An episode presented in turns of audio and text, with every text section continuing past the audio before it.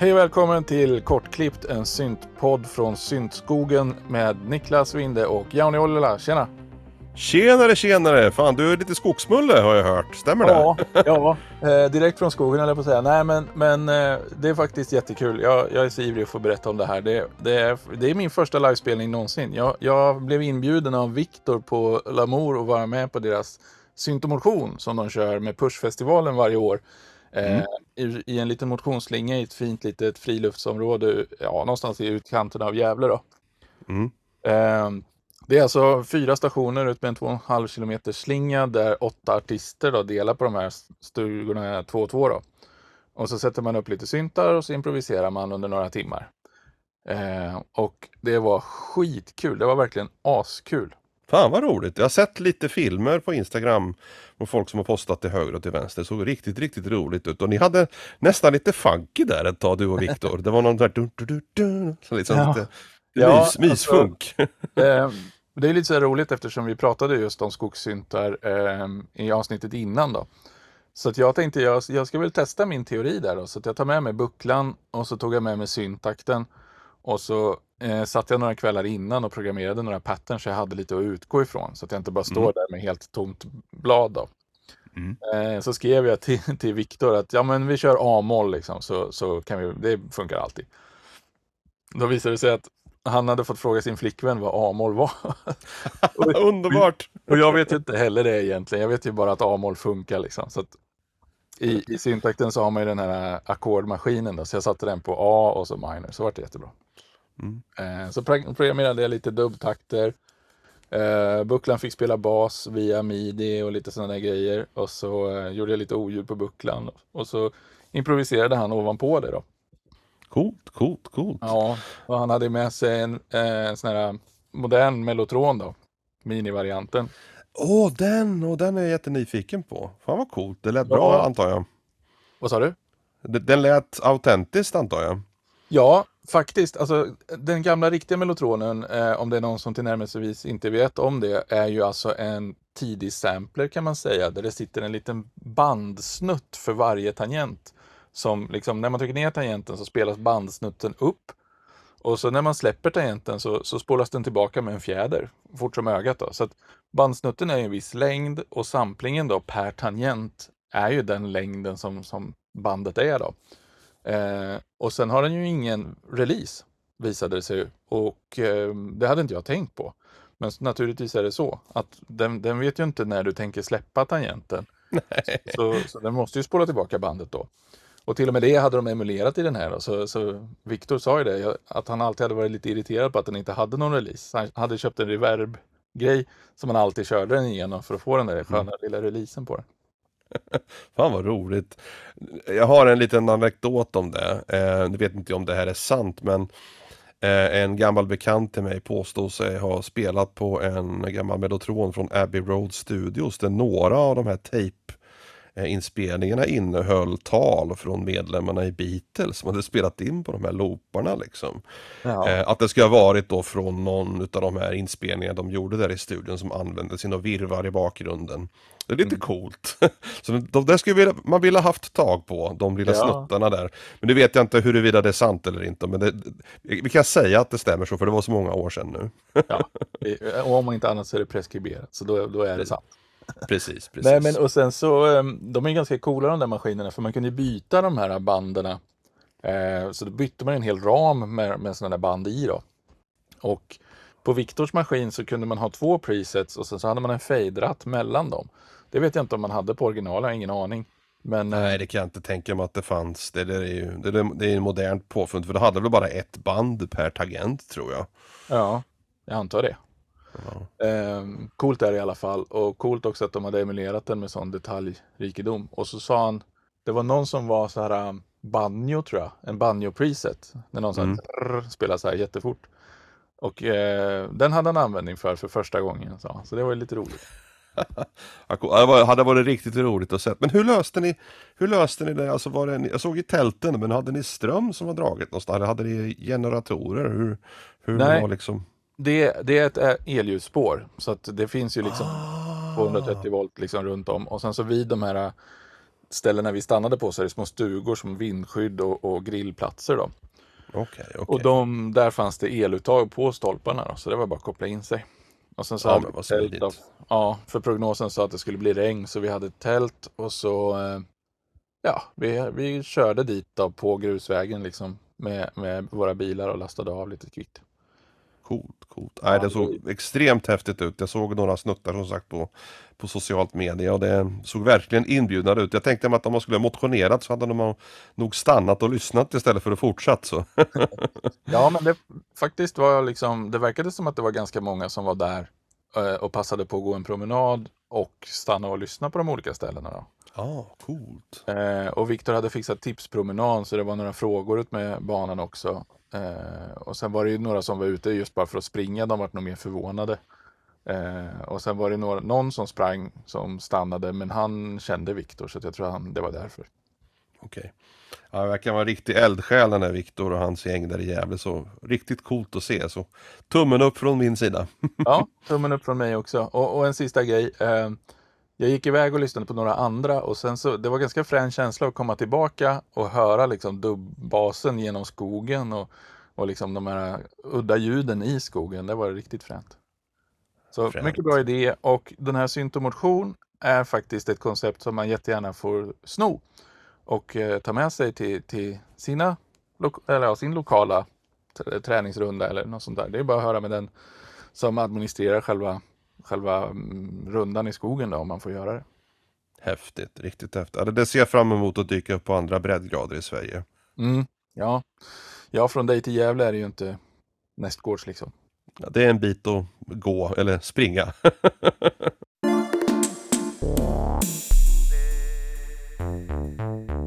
Jaha, men eh, idag så ska vi prata om kompressorer. yes. Precis, och eh, Eh, vi tänkte, jag har faktiskt skrivit ett manus den här gången så att jag ska ha lite mer än bara några stolpar att hålla mig till för att annars så känns det som att det är lätt att svamla bort sig och missa lite viktiga saker.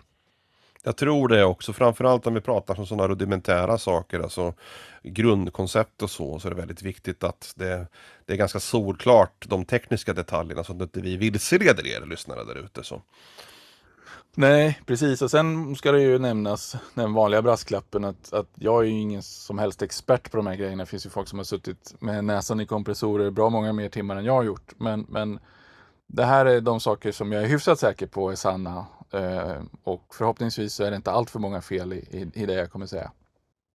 Är det fel så får ni smiska oss på discorden, det är bara att hoppa in och smacka till. Precis. Ehm, så vad är egentligen en kompressor och vad gör den? Och eh, det finns ett antal svar på den frågan som alla är mer eller mindre korrekta. Och det första noob-svaret kanske, kanske var då att ja, men en kompressor höjer volymen. Och ja, det är klart, det är en, en sak den kan göra. Men är man lite mer insatt så kanske man svarar att den sänker volymen. Och rent tekniskt så är det faktiskt mer sant, men ändå inte riktigt. Okej då, kanske någon säger, men, men om man säger så här att den minskar det dynamiska omfånget. Ja, det kan den göra. Eh, men inte bara.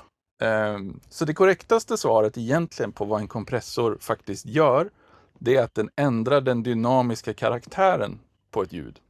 Och med dynamik menar jag alltså volymen och skillnad i volymet med ljudet. Eh, Dessutom kan en kompressor ha lite annan inverkan på ljudet beroende på hur de är konstruerade. De kan till exempel lägga till lite distorsion, eller, eller ja, mättnad då, eller saturation. Då. Eh, men det kommer vi inte prata så mycket om i det här avsnittet, för det är ganska stort ämne att prata om, så det kanske vi tar i ett framtida avsnitt. Just olika typer av kompressorer och olika karaktärer och sånt där. Mm. När man ska använda vilken sorts kompressor och, ja, och så vidare. Det är mycket att prata om där.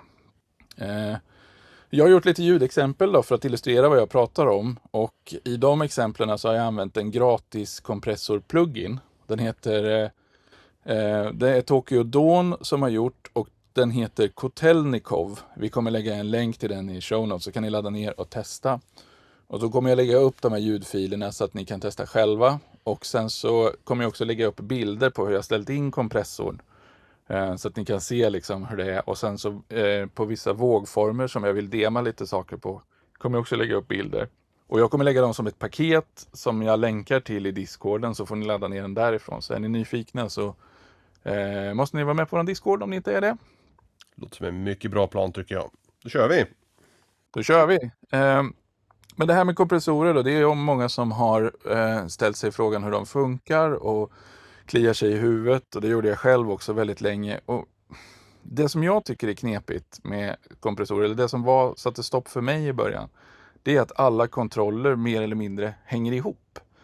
Och liksom, det är många av dem som inte gör någonting om inte de andra redan är ställda rätt.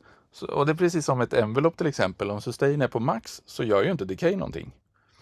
Och innan man liksom har fattat att de hänger ihop på det där sättet så, så är det liksom lite svårt att ta sig in i, i kompressorn. Och dessutom fungerar ju kompressorn väldigt olika beroende på vilket material den jobbar på. Ibland så kör man den ju på sång och då, då beter den sig på ett sätt. Ibland kör man den på trummor eller en hel mix eller ett enstaka instrument eller ja, så vidare. Så det kan vara lite svårt liksom att välja ett material och sen förstå hur den ska bete sig just på det materialet. Eh, ett lågpassfilter hörs ju nästan alltid vad det gör oavsett vad man skickar in i det. Liksom. Ja, ja, precis, precis. Det, är ju, det där är ju väldigt viktigt, alltså just när det gäller kompressorer.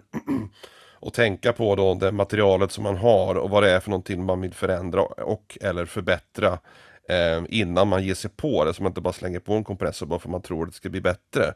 Så det är väldigt viktigt att ha en klar bild av vad det är för någonting som kommer att ske när du drar, när du börjar justera alla de här parametrarna. Då. Så det är lite grann det som är grundtanken tror jag. Mm. Ja, exakt. Eh, ja, och det ska man ju komma ihåg då att liksom, det finns inga silver bullets och, och en kompressor är verkligen inte det. Eh, så att, att, bara slänga på den för att man ska, liksom, på varje kanal i mixen, eh, eh det, det, är fel helt enkelt. Den kommer inte att hjälpa dig. Och, och, lika lite som, ja, men som vi pratade om i ett mixavsnitt en gång, att liksom reflexmässigt lägga på ett högpassfilter vid 100 Hz på allting som inte är en baskanal.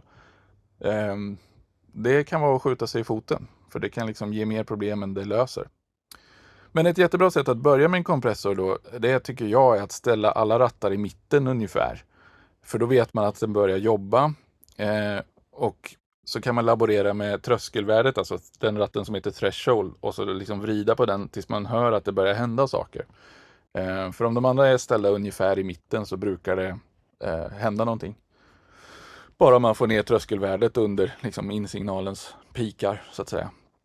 Eh, på just den eh, eh, plugin som jag tipsade om nu då, den här Kotelnikov, så finns det någon som heter Peak Crest och någon som heter Peak och RMS Release och lite sådana här saker. De, de kan ni låta stå som de är och sätt liksom attack, release, ratio och threshold i mitten och så liksom utgå från det. Threshold däremot kan ju vara lite lurig då för att det, det är ju tröskelvärde och vissa tänker sig liksom att det är min längst ner och vissa tycker att det är min längst upp. Eftersom i, rent teoretiskt då så är ju tröskelvärdet liksom på max längst upp och sen så när man liksom vrider ratten neråt och sänker tröskelvärdet, det är då det, är då det kommer under insignalen liksom och, och kompressorn ska börja jobba.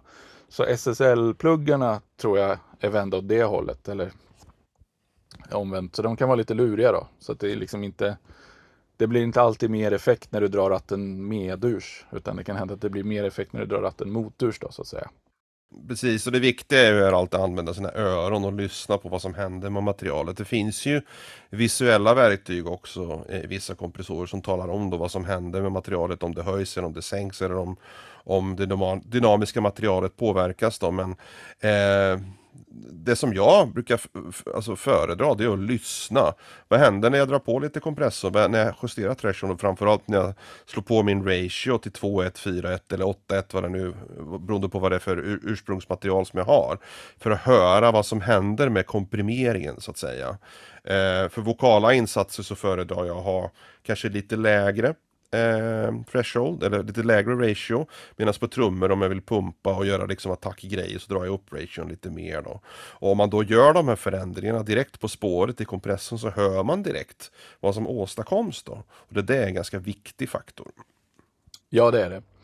Och den här pluginen som jag tipsade om då, den här Kotelnikov, den har faktiskt ganska eh, bra grafik. Dels har den en stapel som visar när den jobbar, men den har också runt threshold en stapel som visar eh, RMS-värdet på inkommande signal. Som en liten mm. krage som rör sig runt den. Så då är det väldigt lätt att ställa threshold precis runt piken då, så att den börjar jobba. Så det är jättebra. Och likadant makeup gain-ratten visar liksom hur mycket den komprimerar. Så då kan man väl liksom vrida upp eh, makeup gainen så att det kompenserar precis lagom. Men mer om det snart. Eh, för rent tekniskt vad en kompressor faktiskt gör är att den analyserar den inkommande signalens volym. Om den volymen överskrider ett tröskelvärde, det är threshold, så kommer kompressorn inte släppa igenom hela insignalen på utgången utan den kommer släppa igenom en signal med minskad volym istället. Och hur mycket utsignalen minskas i volym ställs ju med den här ratioratten. Då. Och det brukar uttryckas som 4 till 1, 2 till 1 och så vidare. Och där, det ska utläsas som att för varje x decibel av insignalen som överskrider tröskeln släpps bara en decibel ut. Överskridande tröskeln då så att säga. Så att du kan aldrig sänka under tröskelvärdet. Eh, utan du kan liksom bara som max då liksom bromsa ner det till en decibel över tröskelvärdet. Och hur fort den här volymsänkningen kommer att ske ställs in med ratten som heter attack. Och om man ställer en lite längre attack då kan man släppa igenom lite av transienten innan kompressorn börjar jobba. Så att om du till exempel har en kick och du vill ha med det här klicket ordentligt i början när, när den här lilla hammaren möter skinnet liksom, och det klickar till. Då ställer du en lite längre attack så kommer den vara opåverkad och sen så kommer du komprimera ihop kroppen på, på baskaggen istället. Det här liksom boomet så att säga. Eh, och hur fort kompressorns volymsänkning slutar efter att insignalen har krypit under tröskelvärdet, det ställs av en kontroll som heter release. Och en lång release då kan vara bra om man till exempel har komprimerat en baskagge hårt och så vill man inte att den sjunger ut för länge. Utan man liksom har tryckt ihop den så att man får korta ner den här eh, sjungande liksom boomen i, i kaggen. Och så vill man inte att det ska helt plötsligt komma upp i volym igen så att du får, får liksom svansen på kaggen att komma upp i volym och liksom eh, låta för mycket. Då kan det vara bra att ha en lång release så att det liksom håller emot även efter att eh, ljud, alltså insignalens volym har krypit under tröskelvärdet. Precis, det är det här du använder egentligen för att kontrollera andningen på ljudet, att det blir sån här andningseffekt då. Eh, och den avhjälps då genom att ställa in releasen på rätt värde. För att annars så dyker ju ljudet upp igen, då blir det som en, en flåsning som händer och det kan bli väldigt tråkigt på vokala insatser också om re releasen är inställd fel där. Just det, jättebra grej. För att det är många som sjunger och så, så spänner de sig och precis när man sjunger färdigt strofen så andas de ut när de har sagt klart. Yes. Och har man ställt kompressorn fel då, kommer det där flåset in. Det har precis, det, precis. Men, men oftast så kan det vara bra att klippa bort det också. Det kan det vara, men eh, jag, jag, tycker ju personligen om när det gäller ljuddesign för vokala insatser inte ta bort för mycket av andning för att då får jag en känsla av att, att, eh, att det inte finns någon luft i sången. Att, att det känns onaturligt, att det blir liksom som en robot som sjunger då. Så jag föredrar alltid att ha andningsbitarna med i den mån det är möjligt. Just när de läcker luft och sånt där. Och brorsan läcker en hel del och jag har använt eh, alltså kompressor på andra sånger också som läcker en del luft. Och det kan vara en viss charm i deras stil som förstörs om man tar, ta bort det här för mycket i ljudfilerna. Då. Så därför är kompressorn väldigt bra på ett sånt naturligt sätt sänka de bitarna men alltid ha med det materialet ändå. Just det. Ja, det är jättebra. Och sen, men att man tänker på det också. Och sen en annan sak som kan vara bra att tänka på är ju att precis som alla andra tider som går att ställa på saker och ting i musik, till exempel delayer, reverb och sånt där, så kan även en kompressor må bra av att du ställer tiderna till någon slags tid relaterat till tempot i musiken. Så att du liksom, och det finns ju kalkylatorer på nätet där du kan eh, eh, slå in ett tempo så får du ut liksom en, hur lång är en 64 del i sekunder liksom. Och då kan du ställa releasen på det så kommer du liksom få kompressorn att jobba i, i takt liksom med musiken. Så låter det, det, då kan det vara ett sätt att få den att synka upp bättre. Det är smart, det har jag inte tänkt på faktiskt. Undrar om det finns pluggar som man har eh, tidssynkning, man kan få med klockan i kompressorn också. Det har jag faktiskt aldrig sett. Det har inte jag sett Kanske. heller faktiskt. Eh, Fråga till våran publik kanske och lyssnare. Du får hitta till om ni vet om det finns något sånt. Ja, just det. Och sen kompressorn kommer ju aldrig att sälj- sänka eh, utsignalens volym till något under tröskelvärdet. Utan en kompressor med kort attack, kort release och ratio på liksom 20 till 1, 30, 40, 50 till 1 eller ibland så är evigheten till 1 finns det att ställa in. Liksom. Det är oändligheten till 1. Liksom. Det blir en limiter helt enkelt. Den kommer inte släppa igenom någonting över tröskelvärdet. Eh, Så en limiter är ju egentligen bara ett specialfall av kompressor. Så det du får då i slutänden när du har komprimerat och grejat, det är ju ofta ett ljud med lägre dynamiskt omfång. Det vill säga skillnaden mellan ljudets starka och svaga del är mindre efter kompression. Det, är, det hörs ju liksom på namnet att du komprimerar det dynamiska omfånget. Och, och det får du ju genom att liksom kapa topparna och trycka ihop eh, ljudet. Och då har du ju egentligen fått ner ljudet till en svagare volym och så använder du makeup gain då för att öka de svaga partierna till höga partier, eller du, du ökar hela signalens, liksom utsignalens volym med makeup gain. Och det är ju ett exceptionellt sätt eh, att justera exempelvis sång eller trummor eh, som man tycker kanske inte hörs ordentligt. De, de artefakterna, de ghost notes som trummisen kanske gör kanske inte hörs ordentligt om man vill höja det, komprimera hela materialet och lyfta upp de lite svagare bitarna.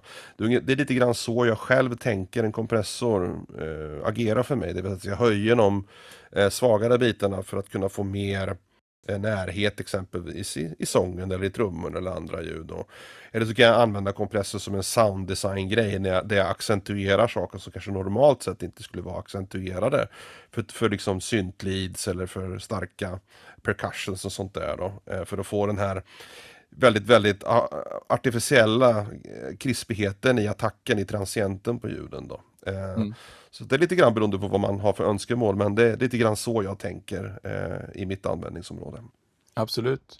Och, och, och det som jag tycker är viktigt att komma ihåg det är att om du har ett ljud som är lite ojämnt i sin dynamik och så skulle du bara höja det, då kommer du till slut komma till ett läge där de starkaste partierna i det ljudet börjar dista, för du har liksom slut på headroom. Mm. Men om du då komprimerar de starkaste partierna lite grann, då kan du fortsätta höja. Och då kommer du få ett ljud som har overall liksom mer akustisk energi i sig.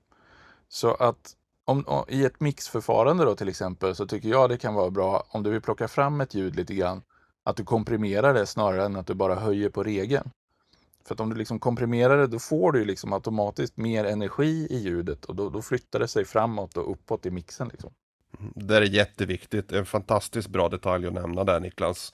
Eh, för att varje individuellt instrument, ungefär som du designar ett syntljud så gör du det syntljudet i sig självt.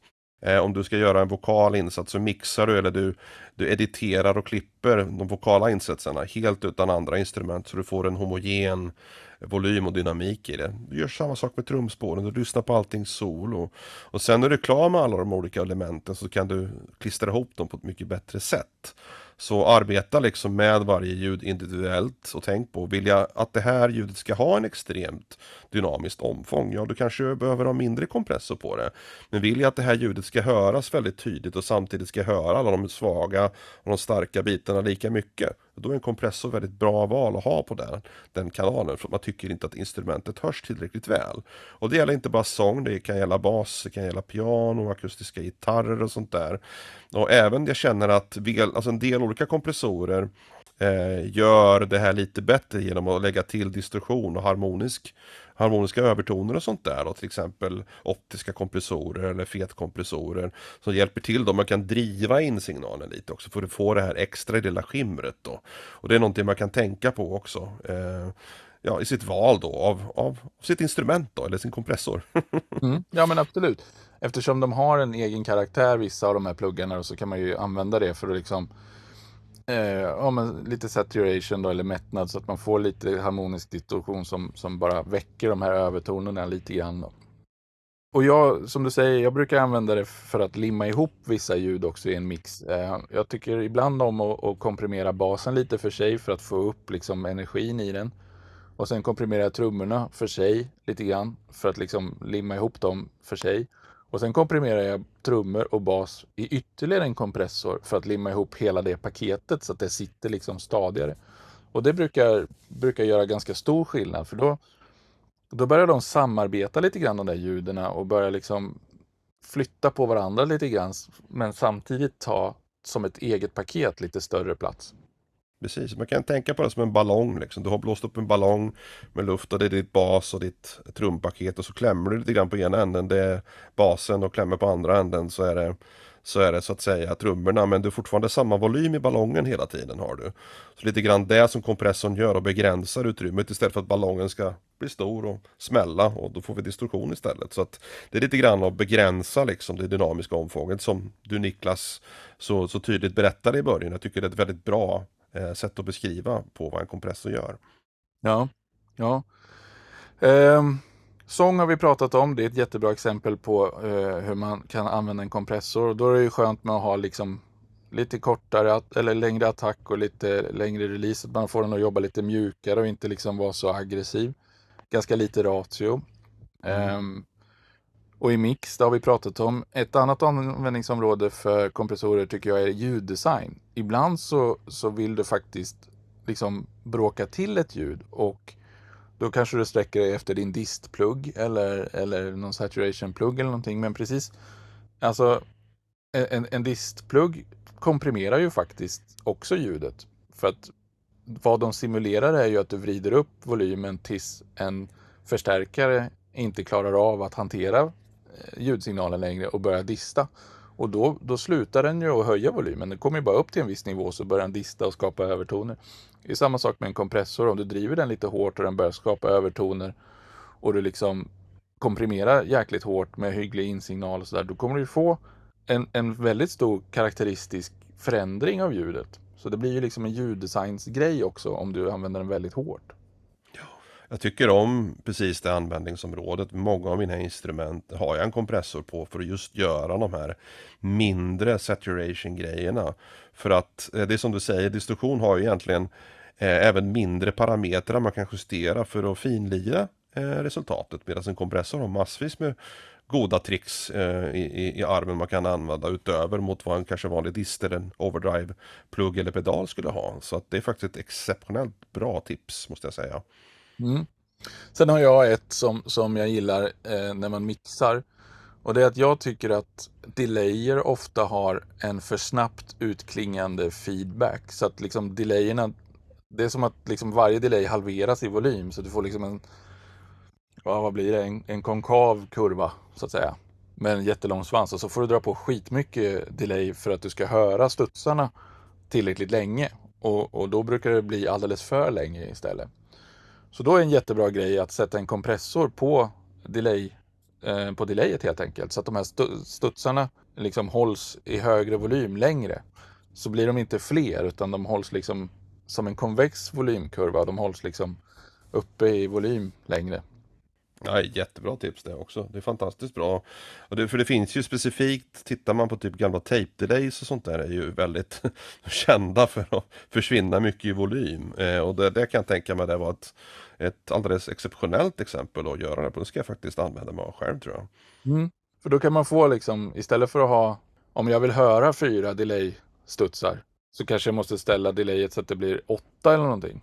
Precis, precis. Men nu kan jag ställa det på ja, men färre, mindre feedback och, och mer kompression så håller det i sig längre.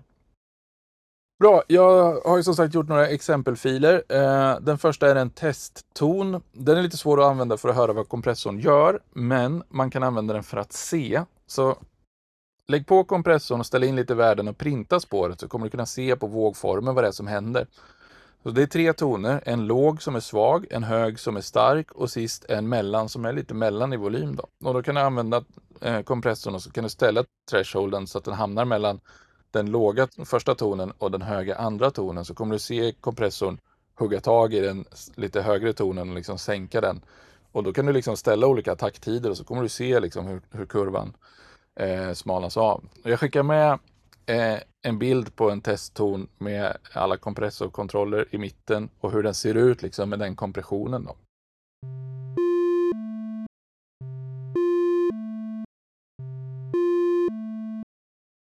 Eh, sen har jag programmerat en trumloop som varit ganska stökig, men den tycker jag är bra att använda för en mer komplex signal och se liksom hur den fungerar när den komprimeras. Och då kan man använda liksom kompressorn och, och vräka på jättemycket kompression och se vad som händer. Och se vilka instrument som kommer fram, vilka som försvinner, vilka som drunknar.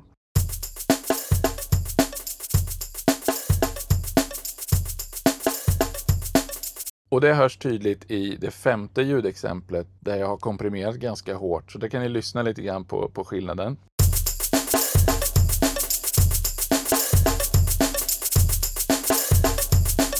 Och sen har jag gjort ett sista ljudexempel, det är fortfarande samma trumloop, men då har jag höjt kicken en hel del för att visa vad som händer om man har en obalanserad mix och komprimerar den.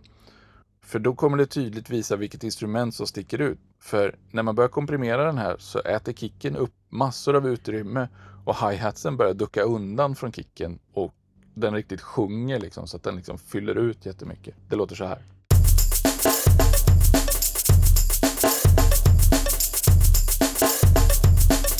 Eh, vilka artefakter kan en kompressor ge upphov till när man använder den fel då, eller komprimerar för hårt? Ja, du pratade lite grann om eh, om det börjar pumpa och liksom jobbar lite för hårt förut. Eh, skulle du kunna beskriva hur det låter? Ja, alltså det blir som ett flåsande, det vill säga det att eh, trummor exempelvis, att, att de på ett on onaturligt sätt, om vi tar ett akustiskt trumset till exempel, så spelar de trummor i rummet. Så får man rumstonerna som hoppar upp och tar plats i, i ljudmaterialet som ett exempel. Allt reverb, all efterklang och sånt där dyker upp och gör sig liksom, eh, ja, hej här är vi liksom. Eh, och det skapar ju en andningseffekt då som antingen kan vara önskvärd men i de flesta fall när det gäller min egen egen, eget smak och tycke så är det ingenting jag gillar överhuvudtaget. Och det här är någonting som jag då personligen försöker att begränsa när jag, framförallt när jag komprimerar trum och basspår då, så att den här andningen inte blir ja, övertydlig då eller, eller, eller märkbar så att säga. Mm. Sen finns det dist. Det kan uppstå om man eh, komprimerar bas eller andra lågfrekventa signaler och använder kort attack och release. Då kan man hamna i ett läge där de här är kortare än en vågformscykel på det ljud som du komprimerar. Och så får du liksom vassa kanter i ljudet och då uppstår en slags distorsion. Då. Och det, det kan låta okej, okay, men det låter ofta ganska illa faktiskt. Det finns vissa användningsområden där jag brukar själv trycka sönder när jag gör noise då, eh, måste jag tillägga. Då använder jag eh, en, en kompressor som en, som en distpedal nästan. Jag bara kranar på egentligen max input-signal eh, gör jag, så har jag hög ratio. Eh, men då har jag en kompressor där jag kan ställa mix och wet. Eh, då, då jag liksom fortfarande bibehåller då den torra signalen men använder lite grann av den här sönderdistade trasiga grejen som en klang, som en saturator i bakgrunden då. Och det kan skapa väldigt intressanta och roliga eh, alltså artefakter då som i, i det här fallet då är önskvärda för min del. ja, precis. Men då är det ju som en, en sounddesign-pryl som vi pratade om förut. Precis ja, precis. Ja, eh, ett annat problem är ju att det distar om man komprimerar väldigt hårt eller, eller nästan limiting då som liksom ska kapa topparna på transienterna. Och om det igen då är, är, är lågfrekventa ljud då, så är det väldigt lätt att det, att det liksom börjar klicka och, och det blir sån här klipping nästan på topparna. Och eh, jag har mastrat lite dubb eh, liksom dubbmusik, elektronisk dubb åt en kille i, i England. Um, och han, många av de, hans artister uh, har mixat väldigt mycket bas. Och, och sen så har de liksom en kick med jättestarka transienter och sen så är allt annat väldigt mycket lägre. Och för att mm. få upp det här då så, så måste man komprimera och limitera. Men då blir det väldigt, väldigt lätt ful distorsion på de här transienterna. Yes, så får man vara ruggigt försiktig. Ja, det man kan göra då kanske, man kanske ska välja en optisk eller en fetkompressor eller rör, man kanske ska ta typ en DCA-kompressor.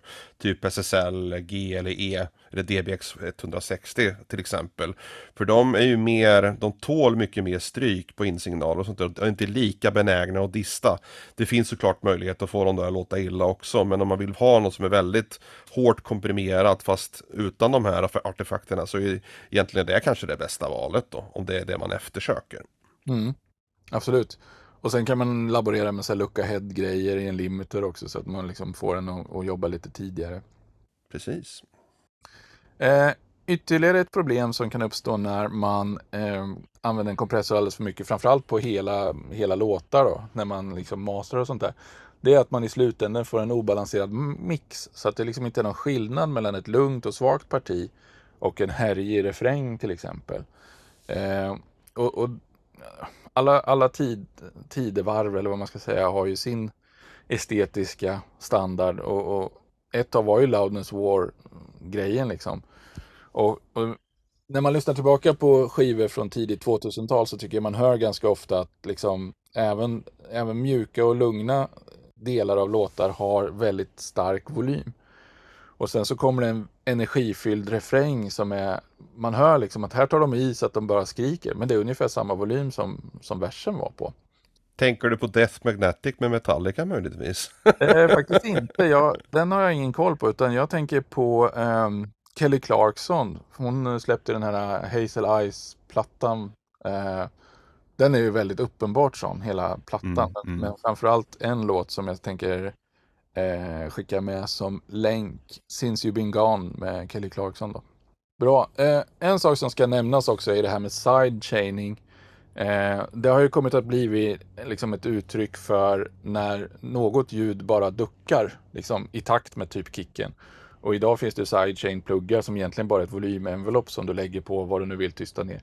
Men namnet sidechain kommer egentligen från att du har en kompressor som har en insignal, till exempel en bas. Och normalt sett så analyseras ju basljudet och så jobbar kompressorn ut efter analysen av basljudet. Men i en, ett sidechain-förfarande så kopplar du in en annan signal, till exempel kicken. Och så analyseras den och så, så komprimeras basen ut efter hur kicken beter sig. Ja, nej men som lite avslutande ord då. Eh, viktigt när man jobbar med kompressorer är ju att de är otroligt materialberoende. Så när du eh, sätter dig ner med de här grejerna och försöker lära dig hur de funkar nu, så testa på jättemycket olika saker och dra i alla rattarna. Men, men börja med att sätta rattarna i mitten och, och, testa på olika ljud. Typ en enstaka virvel, en kick, ett sångspår, en hel mix, en halv mix, en bas, ett lead eller akustiska instrument om du kan få tag på sådana inspelningar. Och, och tänk på att liksom alla parametrar är beroende av varandra i stort sett. De hänger ihop liksom. Mm. Och glöm för bövelen inte att dra upp ration från 1 till 1 till någonting annat, för annars händer det ingenting. nej, nej, precis. Och dra ner eh, thresholden så att den börjar jobba. Men som sagt, den här pluggen då som, som eh, vi tipsar om, där syns de här grejerna ganska tydligt. Så det, den är faktiskt väldigt bra att använda. Väldigt bra. Och just när man eh, håller på och eh, känner efter och lär sig hur en kompressor funkar så kan det vara bra att överdriva, överdriva parametrarna. Man trycker ihop det mer än nödvändigt. Man kanske har en extremt hög ratio. För då förstår man vad det är som händer med den, med den kontrollen när man skruvar på den med ljudmaterialet. På så sätt så kanske man kan diala in en sweet spot som är lite lägre men dra på lite mer än vad du vanligtvis kanske skulle ha gjort då för att höra vad det är som händer med det dynamiska materialet egentligen.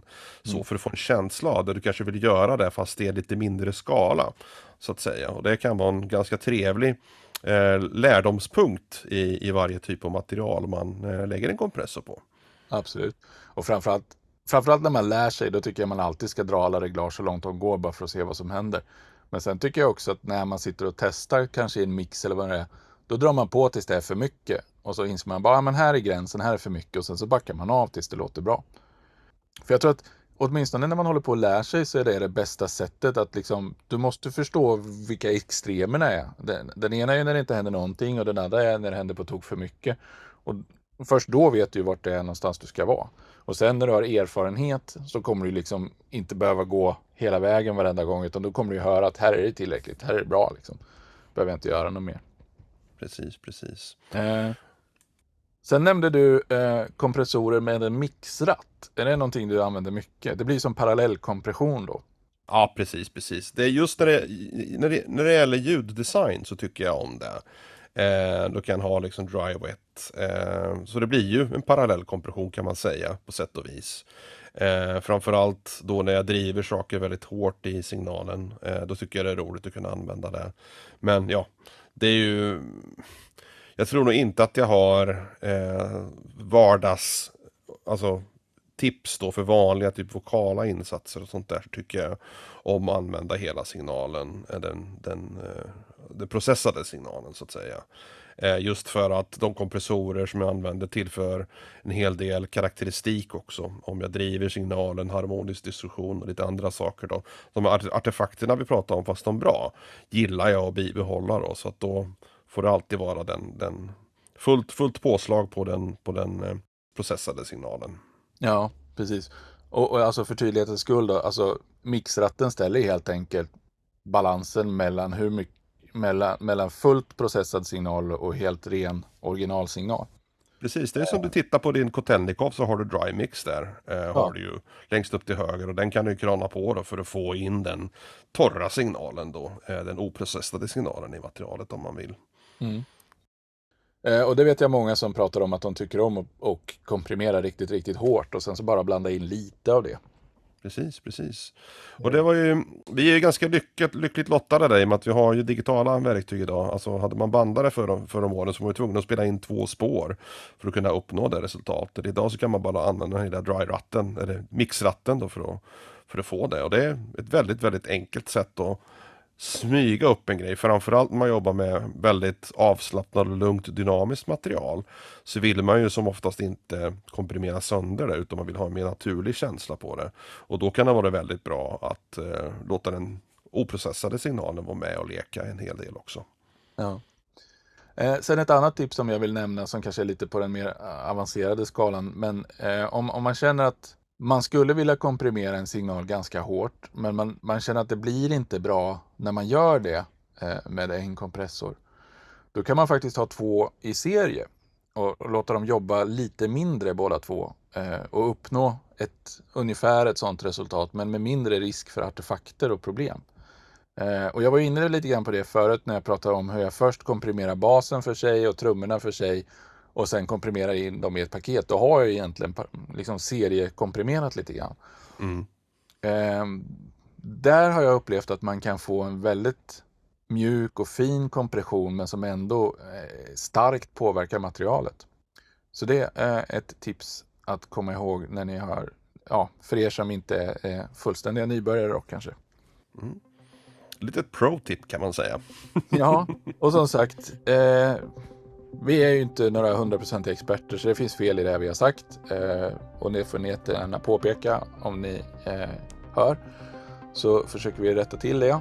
Eh, men det var nog det vi hade om kompressorer. Ja, det var nog det. Väldigt komprimerat och trevligt avsnitt. ja.